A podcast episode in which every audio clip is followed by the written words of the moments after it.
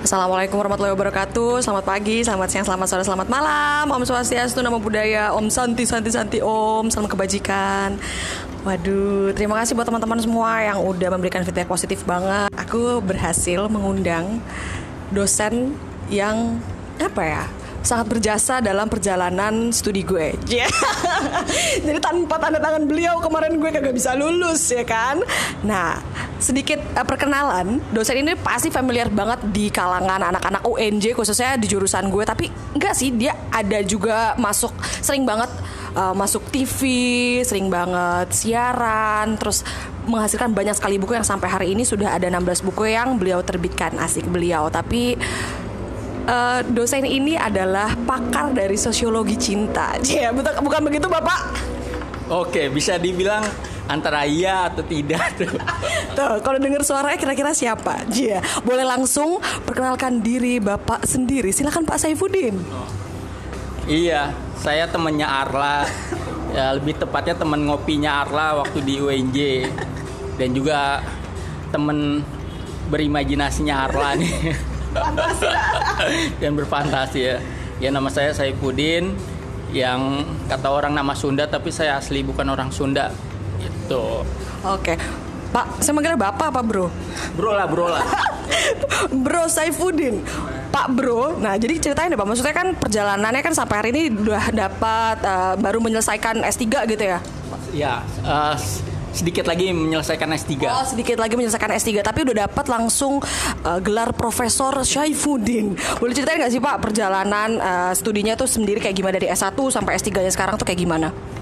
Iya, dulu saya sempat di S1 fisik selesai dalam waktu yang sesingkat-singkatnya dengan nilai yang ya bisa dibilang pada saat itu anak uh, aktivis kampus bisa lulus cepat dengan nilai yang baik cum laude dengan predikat uh, mahasiswa berprestasi. Kemudian sambil melanjutkan S apa extension course di STF di Arkara kemudian saya melanjutkan studi S2 saya di PISIP UI di Kesos dalam lulus pun dalam waktu sesingkat-singkatnya dan jadi angkatan pertama yang hanya lulus satu setengah tahun eh, S2 kemudian dapat apa saya dapat beasiswa S3 di Moscow University cuma karena ada konflik uh, di Rusia pada saat itu tahun 2014 saya kemudian uh, tidak jadi melanjutkan uh, S3 apa beasiswa S3 saya di Moscow University itu. Kemudian saya mendaftar uh, CPNS dosen UNJ dan alhamdulillah diterima. Sampai akhirnya kemudian uh, jadi dosen PNS di UNJ sosiologi. Sampai kemudian melanjutkan studi S3 saya di PISIP UI uh, eh, dan sekarang saya sedang berusaha menyelesaikan S3 sambil uh, meraih mimpi saya mendapat gelar profesor secara resmi dari kementerian itu. Waduh, jiper nggak lo? Kalau misalnya buat CV itu dua halaman cuman pengalaman studinya doang. nah, Pak, C Pak tadi dari gue udah ngomong bro boleh sekarang masih Pak. Pak kalau misalnya boleh tahu dari awal masuk misalnya mau melanjutkan sekolah kayak gitu memang udah terpikir gak sih sekarang itu akan jadi dosen? Atau memang dari awal ya udah gue lihat aja ke mana nih arahnya gitu?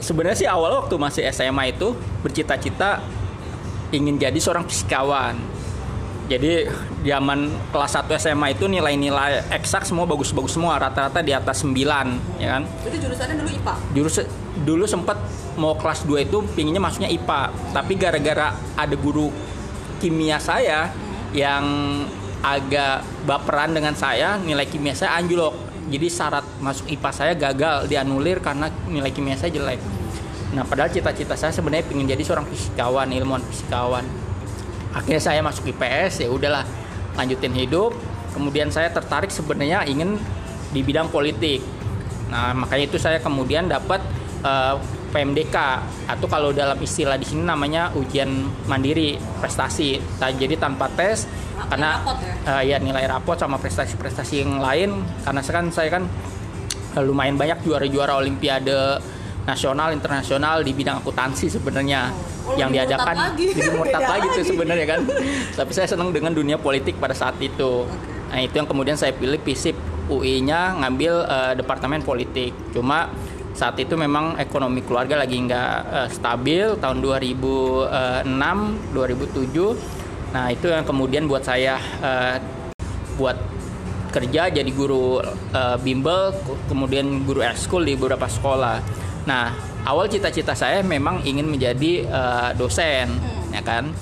Nah itu yang kemudian uh, menjadi pendorong saya untuk terus melanjutkan mimpi saya ya kan? Nah, itu yang yang sampai saat saya keluar dari FISIP UI kemudian saya nggak lantas uh, pat arang atau uh, hilang daya semangat cita-cita saya itu. Nah kemudian ya saya lanjut studi S2 yang sampai akhirnya sekarang saya udah jadi dosen PNS atau dosen tetap di UNJ walaupun nyambi di beberapa perguruan tinggi sebagai dosen-dosen lain. Dan saat ini juga ya alhamdulillah lah uh, banyak dipakai pikiran dan tenaganya untuk di kementerian-kementerian sebagai tenaga ahli termasuk juga perusahaan-perusahaan sebagai konsultan gitu. Luar biasa sekali. Karena saya salah satu orang yang banyak mendengar gitu loh apa uh, perjalanan hidup bapak yang kayak misalnya transformasi itu sangat apa ya cepat dan apa ya beda gitu karena kayak misalnya dulu kan zamannya kalau saya nggak salah kan di gedung G juga ya bapak yeah. kan aktif di gedung G di Sigma TV betul ya pak ya nah terus sampai akhirnya perjuangan dan perjalanan bapak itu kan untuk sampai titik ini nggak mudah gitu ya pak ya. Hmm. Kalau saya boleh tahu sebenarnya seberapa jatuhnya kan organisasi itu kan berarti bapak juga aktif di organisasi tapi yeah. juga tetap bisa excellent di bidang akademik. Nah yeah. sebenarnya seberapa penting sih pak yang namanya soft skill itu sendiri gitu ya dalam bapak misalnya meraih cita-cita sampai ke titik sekarang itu penting atau nggak menurut bapak? Ya uh, soft skill buat saya sih penting ya. Jadi waktu masih S1 itu di UNJ saya aktif di dua organisasi bahkan tiga. Satu lagi di BEM Fakultas. Jadi kalau yang di gedung G itu saya aktif di Sigma TV dan di LKM Lembaga Kajian Mahasiswa. Nah di Sigma TV saya sebagai ketuanya nah soft skill yang saya dapat dari LKM kemudian dari Sigma TV ya salah satunya saya punya kemampuan editing film teknik sinematografi. Di LKM saya punya kemampuan menganalisis menulis ya. Di BEM ya saya tahu tentang uh, bagaimana bernegosiasi ya jadi soft skill itu yang kemudian saya jadikan modal buat saya e, mencari kapital ekonomi saya. Contoh misalnya pada saat zaman S1 saya ini kan gak disupport atau didukung secara finansial oleh orang tua saya. Jadi saya bayar kuliah sendiri, ya kan?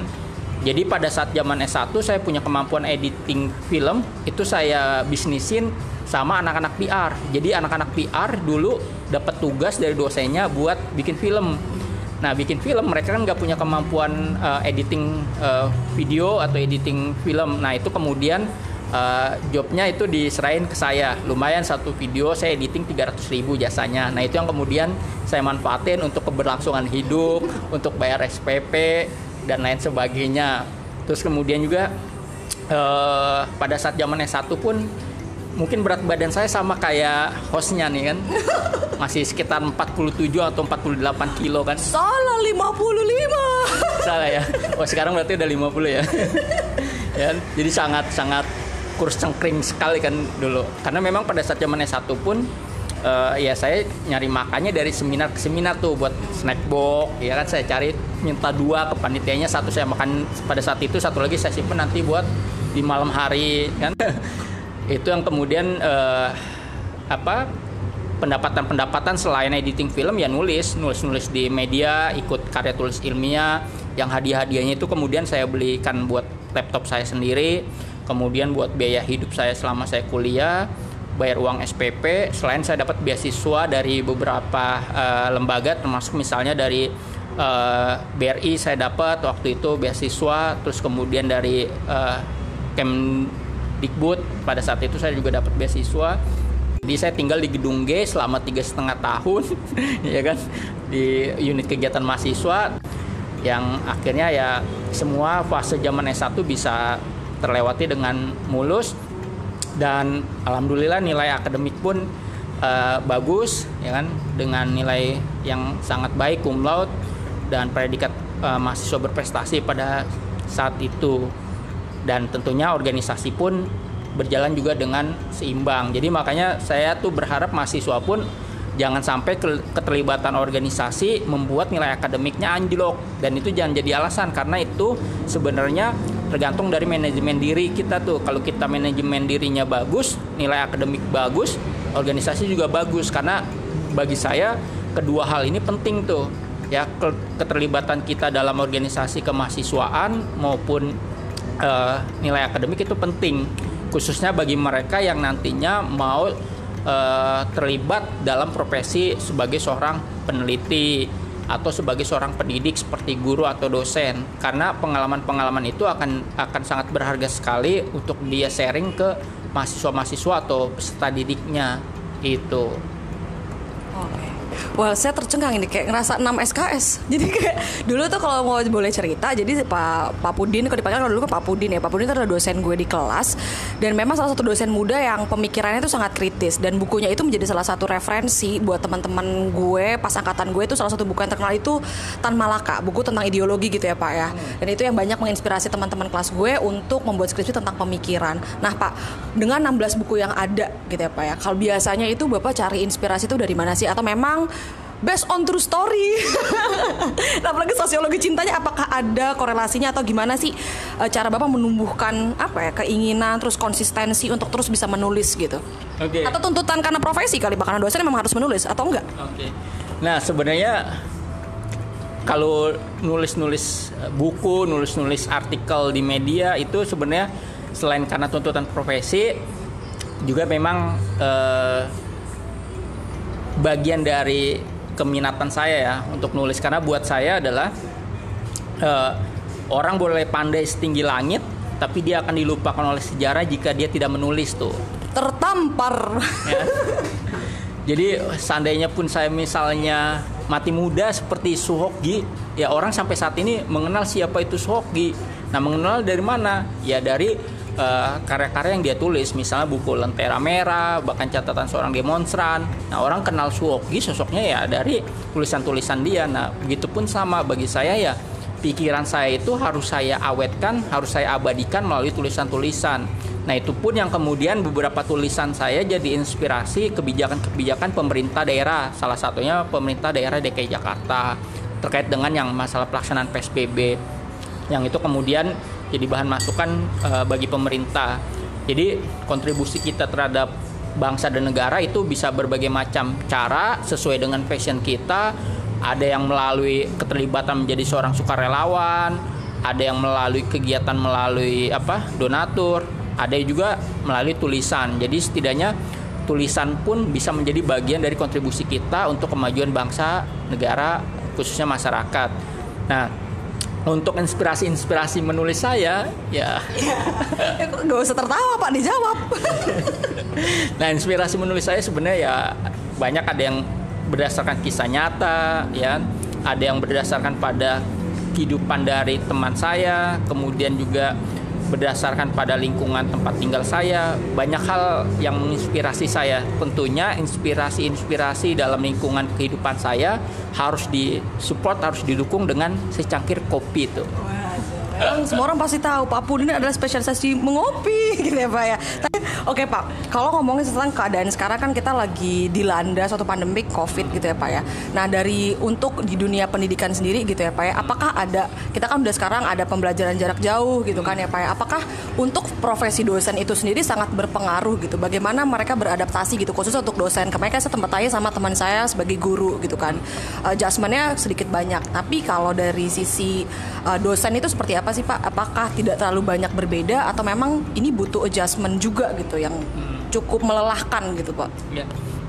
Nah sebenarnya di masa PSBB saat ini di masa pandemi COVID-19 ini proses pembelajaran jarak jauh atau PJJ ini sebenarnya membuat aktivitas pembelajaran itu jadi nggak efektif ya itu pun sama dialami oleh dosen nggak jauh beda dengan apa yang dialami oleh guru yang di mana pembelajaran melalui video conference atau misalnya melalui Zoom ataupun melalui Google Class yang basisnya jaring internet dengan apa uh, di depan layar monitor ini sebenarnya uh, sangat melelahkan menjenuhkan buat dosen. Itu yang kemudian juga ada faktor lain ada mahasiswa yang nggak bisa mengakses itu akhirnya ketinggalan materi. Itu yang yang buat uh, proses PJJ juga jadi nggak berjalan dengan efektif. Itu yang kadang setiap dosen punya modelnya sendiri-sendiri. Kalau saya pribadi, saya kadang sangat berdosa sekali dengan mahasiswa saya karena saya cuma ngasih slide PPT materi saya melalui uh, eh, PJ atau penanggung jawab mata kuliah jadi buat mahasiswa yang mau nanya ke saya silakan saya buka. Tetapi saya memang nggak mengadakan uh, kuliah online full. Tetapi saya hanya mengasih slide PPT saya. Tapi kalau misalnya ada masih yang mau bertanya, saya akan jawab pertanyaan-pertanyaan dari slide PPT saya. Uh, itu kalau metode saya karena saya anggap supaya mahasiswa pun nggak berat uh, kuliah online. Kuotanya sudah tersedot banyak.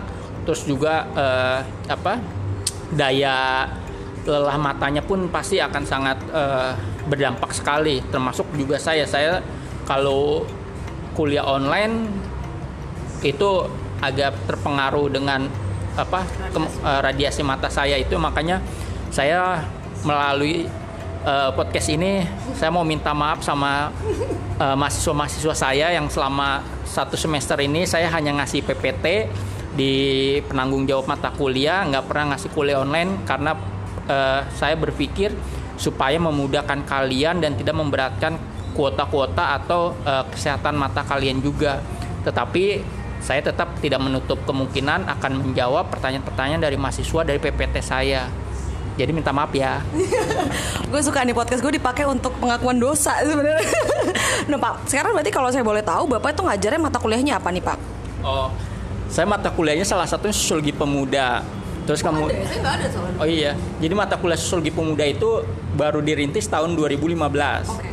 Nah, itu mata kuliah sosiologi pemuda itu melihat fenomena pemuda uh, dalam konteks uh, sosiologi yang di mana kan bagi saya itu pemuda itu uh, adalah individu yang terwarisi masa lalu dan terbebani masa depan Wadah. gitu. Nah, itu yang kemudian kita harus melihat uh, konteks pemuda dalam perspektif sosiologi. Nah itu mata kuliah ini sebenarnya baru ada di program studi sosiologi pembangunan. Di program pendidikan sosiologi belum diadakan. Nanti itu mungkin ke depannya akan diadakan. Terus ya mata kuliah tentang masalah-masalah sosial, sistem pendidikan Indonesia, teori-teori sosiologi, pokoknya yang berbau-berbau te teori lah itu. Dan mata kuliah mata kuliah tentang globalisasi dan pendidikan Sosiologi cinta belum masuk kurikulum, Pak? Nah, sosiologi cinta itu sebenarnya udah mau saya masukkan, cuman ditolak, ya kan? Karena uh, tidak ada relevansinya dalam perkuliahan. Akhirnya kemudian saya sisipkan di mata kuliah sosiologi pemuda, oh, gitu. Jadi saya masukkan ke situ.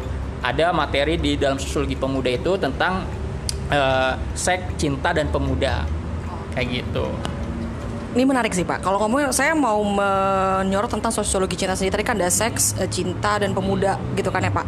Nah kalau boleh tahu sebenarnya karena ini adalah mungkin suatu hal yang banyak orang ngerasa juga rada apa ya awam gitu dengan kata sosiologi cinta. Sebenarnya sosiologi cinta ini sendiri Pak, fokusnya itu gimana sih Pak? Maksudnya dalam membahas seks, cinta dan pemuda itu tuh seperti apa gitu?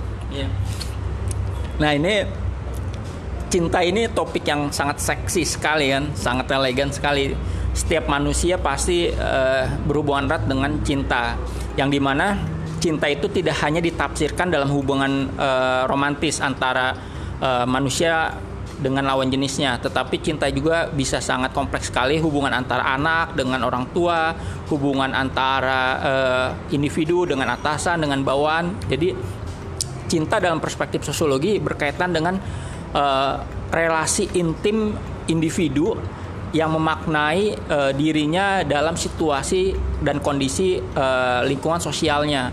Tuh, nah itu uh, sosiologi cinta. Jadi bagaimana melihat relasi-relasi cinta dibangun, bagaimana melihat kompleksitas masalah cinta yang ada pada kehidupan uh, manusia, termasuk juga pengaruh masyarakat. Contoh sederhana misalnya, ya uh, hubungan perceraian, hubungan orang yang tidak menikah, ini kan kalau dalam masyarakat kan dianggap uh, di stereotip atau stigma negatif ya. Nah itu yang kemudian uh, konteks antara cinta di Indonesia dengan cinta di masyarakat di Eropa ini uh, sangat berbeda. Kenapa berbeda? Ya pengaruh budaya.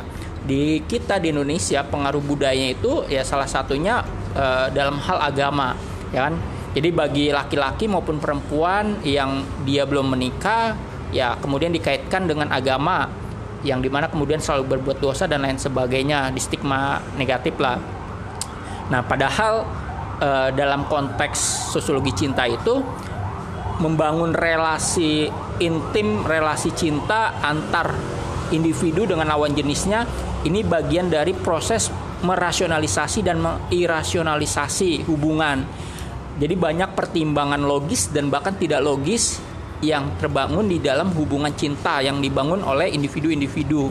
Nah, itu yang mau dilihat dalam uh, sosiologi cinta. Dan di satu sisi memaknai uh, pacaran pun ada kalanya manusia akan mengalami alienasi tuh keterasingan diri dia jadi ada orang yang membangun hubungan pacaran hubungan rumah tangga tetapi dia tidak happy itu tetapi yang terjadi justru dia teralienasi misalnya si A yang tadinya nih dia senang sebelum pacaran atau sebelum berkeluarga dia ini senang hobi backpackeran tapi tiba-tiba ketika dia berpacaran atau berumah tangga hobi dia itu jadi terbatasi bahkan hilang Nah, itu yang disebut dengan namanya situasi dan kondisi alienasi. Jadi keterasingan diri. Nah, sementara dalam perspektif sosiologi cinta itu adalah bagaimana cinta memanusiakan manusia sehingga dia bisa menemukan arti kebahagiaan yang sesungguhnya ketika dia membangun hubungan. Karena pada dasarnya individu adalah makhluk sosial, karena dia makhluk sosial antar individu satu dengan individu yang lain itu harus sama-sama saling memahami situasi dan kondisi pasangannya. Jangan uh, kita ingin menjadikan pasangan kita itu harus seperti yang mau kita inginkan. Itu yang kemudian di dalam sosiologi cinta itu di dalam pemikirannya Erich Fromm itu cinta itu dimaknai dua hal, to have dan to be. Ya, to have itu memiliki, to be itu menjadi. Nah, dalam konteks di sini ya cinta yang sehat itu adalah kita bukan uh, menginginkan pasangan kita itu jadi apa kepe, kepemilikan kita sepenuhnya to have tetapi kita harus sama-sama membangun hubungan cinta itu menjadi to be, sama-sama menjadi. Nah, artinya dasar menjadi ini adalah kita sama-sama harus bisa menyadari, sama-sama bisa memaklumi situasi dan kondisi dari perbedaan ataupun kesamaan dari pasangan kita. Nah, itu yang kemudian to be ini kalau dalam istilah respon bahwa itulah cinta yang sebenarnya tuh. Jadi antar pasangan itu sama-sama saling memahami, sama-sama saling e, memaklumi situasi dan kondisi pasangannya. Nah, cinta yang uh, logis itu yang to be. Nah, walaupun tapi kemudian ada perseteruan antar pasangan, ya itu karena goyangnya to be itu, ya, bukan uh, uh, to have-nya. Jadi to be-nya goyang itu yang kemudian jadi perseteruan. Nah, kalau misal to be-nya nggak bisa dikontrol dengan baik, di manajemen dengan baik, ya terjadi yang namanya perpisahan. Perpisahan di sini kalau dalam pacaran putus, kalau dalam rumah tangga ya cerai itu. Nah, tetapi perpisahan itu adalah bagian dari rangkaian uh, hidup individu yaitu uh, memberikan putusan secara rasional bahkan juga ada irasionalnya juga gitu. Jadi misalnya ada yang ada yang menganggap bahwa uh, lebih menyakitkan membangun hubungan pacaran yang tidak sehat dibanding putus ataupun sebaliknya uh, lebih menyakitkan membangun rumah tangga yang tidak sehat dibanding perceraian. Nah, itu uh, dasar rasional dari setiap pilihan individu ketika dia mau berpisah. Itu. Nah, oleh karena itulah sebenarnya uh, dalam konteks kita membangun hubungan percintaan khususnya tipe cinta yang romantis antara lawan jenis ya uh, sesama jenis sama jenis juga dibahas. Nah, sama jenis itu sebenarnya bagian dari romantisme intim ya. Jadi dalam sosiologi cinta pun sebenarnya ada relasi cinta yang dibangun antara sesama jenis. Misalnya gay lesbi ya uh, itu pun dibahas. Nah kalau yang ini pun konteksnya kalau di Indonesia sebenarnya masih sensitif ya. Karena lagi-lagi yang tadi benturan budaya agama konstruksi sosial masyarakat kita tuh beda gitu yang di mana saya udah nulis buku itu oh. ya bukunya judulnya tentang konstruksi realitas sosial LGBT yang covernya warna putih saya udah nulis buku tentang LGBT kebetulan salah satu subjek kajian riset saya selain bidang prostitusi yaitu bidang LGBT. Nah, itu riset-riset saya tentang LGBT, tentang prostitusi ya. Nah, sama jenis pun sebenarnya itu bagian dari dia memaknai cinta dia. Karena memang pada hakikatnya di dalam sosiologi cinta adalah ada satu hal yang ingin dia proyeksikan dalam hidupnya tuh Nah, yang mau dia proyeksikan dalam hidupnya adalah bagaimana dia menemukan kebahagiaan dan menemukan jati dirinya pada pasangannya. Nah, ketika kebahagiaan dan jati dirinya tidak ditemukan dalam diri pasangannya, ya pertanyaan berikutnya apakah dia mau menerima situasi kondisi ketidakterimaan pasangannya terhadap dirinya kalau misalnya dia mau menerima pasangannya itu tidak menerima uh, apa situasi kondisi pada dirinya oke okay. Hubungan tetap lanjut. Tapi kalau misalnya dia kemudian memilih uh, lebih baik berpisah ya is okay juga. Lagi-lagi dalam relasi cinta ada sesuatu hal keterpilihan di dalam rasionalitas dan irasionalitas. Karena pada hakikatnya sosiologi cinta ingin membahas mengenai bagaimana cinta dikonstruksi dalam kehidupan sosial manusia dengan segala pengaruh eksternal dan internalnya. Wah, 8 SKS. Kalau denger kayak gini jadi pengen sekolah lagi, belajar lagi, masuk kelas lagi, dengerin Pak Pudin eh, cerita semuanya. Jadi kayak sebenarnya jujur aja, awal gue kontakan sama Pak Pudin tuh rada deg-degan. Kalau gue ditanya teori-teori sosiologi, soalnya gak ada yang nyangkut, Pak. Pak terakhir nih, Pak. Mungkin uh, ada uh, mau minta closing statement buat kondisi sekarang di era pandemi seperti ini. Kondisinya itu seperti apa? Silakan, Pak. Oke. Buat para pendengar sobat Arla di mana pun berada, uh, closing statement saya adalah tetap jaga kesehatan, tetap jaga protokol kesehatan karena dunia butuh senyum kalian. Waduh. Nah kalau misalnya ada teman-teman yang mau berkorespondensi atau mau melihat karya-karya dari Pak Pudin sendiri bisa menghubungi Bapak ke mana? Atau mungkin ada website kah? Atau Instagram? Atau email? Facebook? Nah, cari aja nama saya uh, di Google saya Pudin ah, UN, saya Pudin UNJ itu aja. Oke, nanti gue cari tahu bisa mampir ke channel uh, YouTube Sosiologi Kopi. Nah. nah, itu lagi dikembangin channel YouTube Sosiologi Kopi. Silakan uh, subscribe terus kemudian like and comment. Yeah. Share juga? Share juga boleh, lebih menarik karena bagi saya dalam secangkir kopi ada dunia yang yang tidak terjamah oleh orang lain tuh. Waduh mantap. Pak Budi saya ucapin terima kasih banget sudah menyediakan waktunya untuk saya bertemu kita ngopi bareng. Akhirnya setelah tiga tahun kita tidak bertemu kita ketemu juga di kondisi yang mungkin bagi sebagian orang tidak mengenakan karena kondisi dari pandemik ini. Semoga sehat terus Pak Budin oke sehat juga selalu buat Arla dan sobat Arla. Terima kasih buat semuanya teman-teman. Semoga ini banyak banget bukan semoga lagi banyak banget yang bisa dipetik dari podcast episode ini. Uh, untuk teman-teman terima kasih sekali lagi yang sudah mendengarkan. Ditunggu kritik saran dan masukan buat teman-teman semua. Tetap jaga kesehatan patuhi terus protokol kesehatan. Sampai bertemu lagi, eh bertemu lagi, sampai berjumpa lagi di episode selanjutnya. Terima kasih, dadah.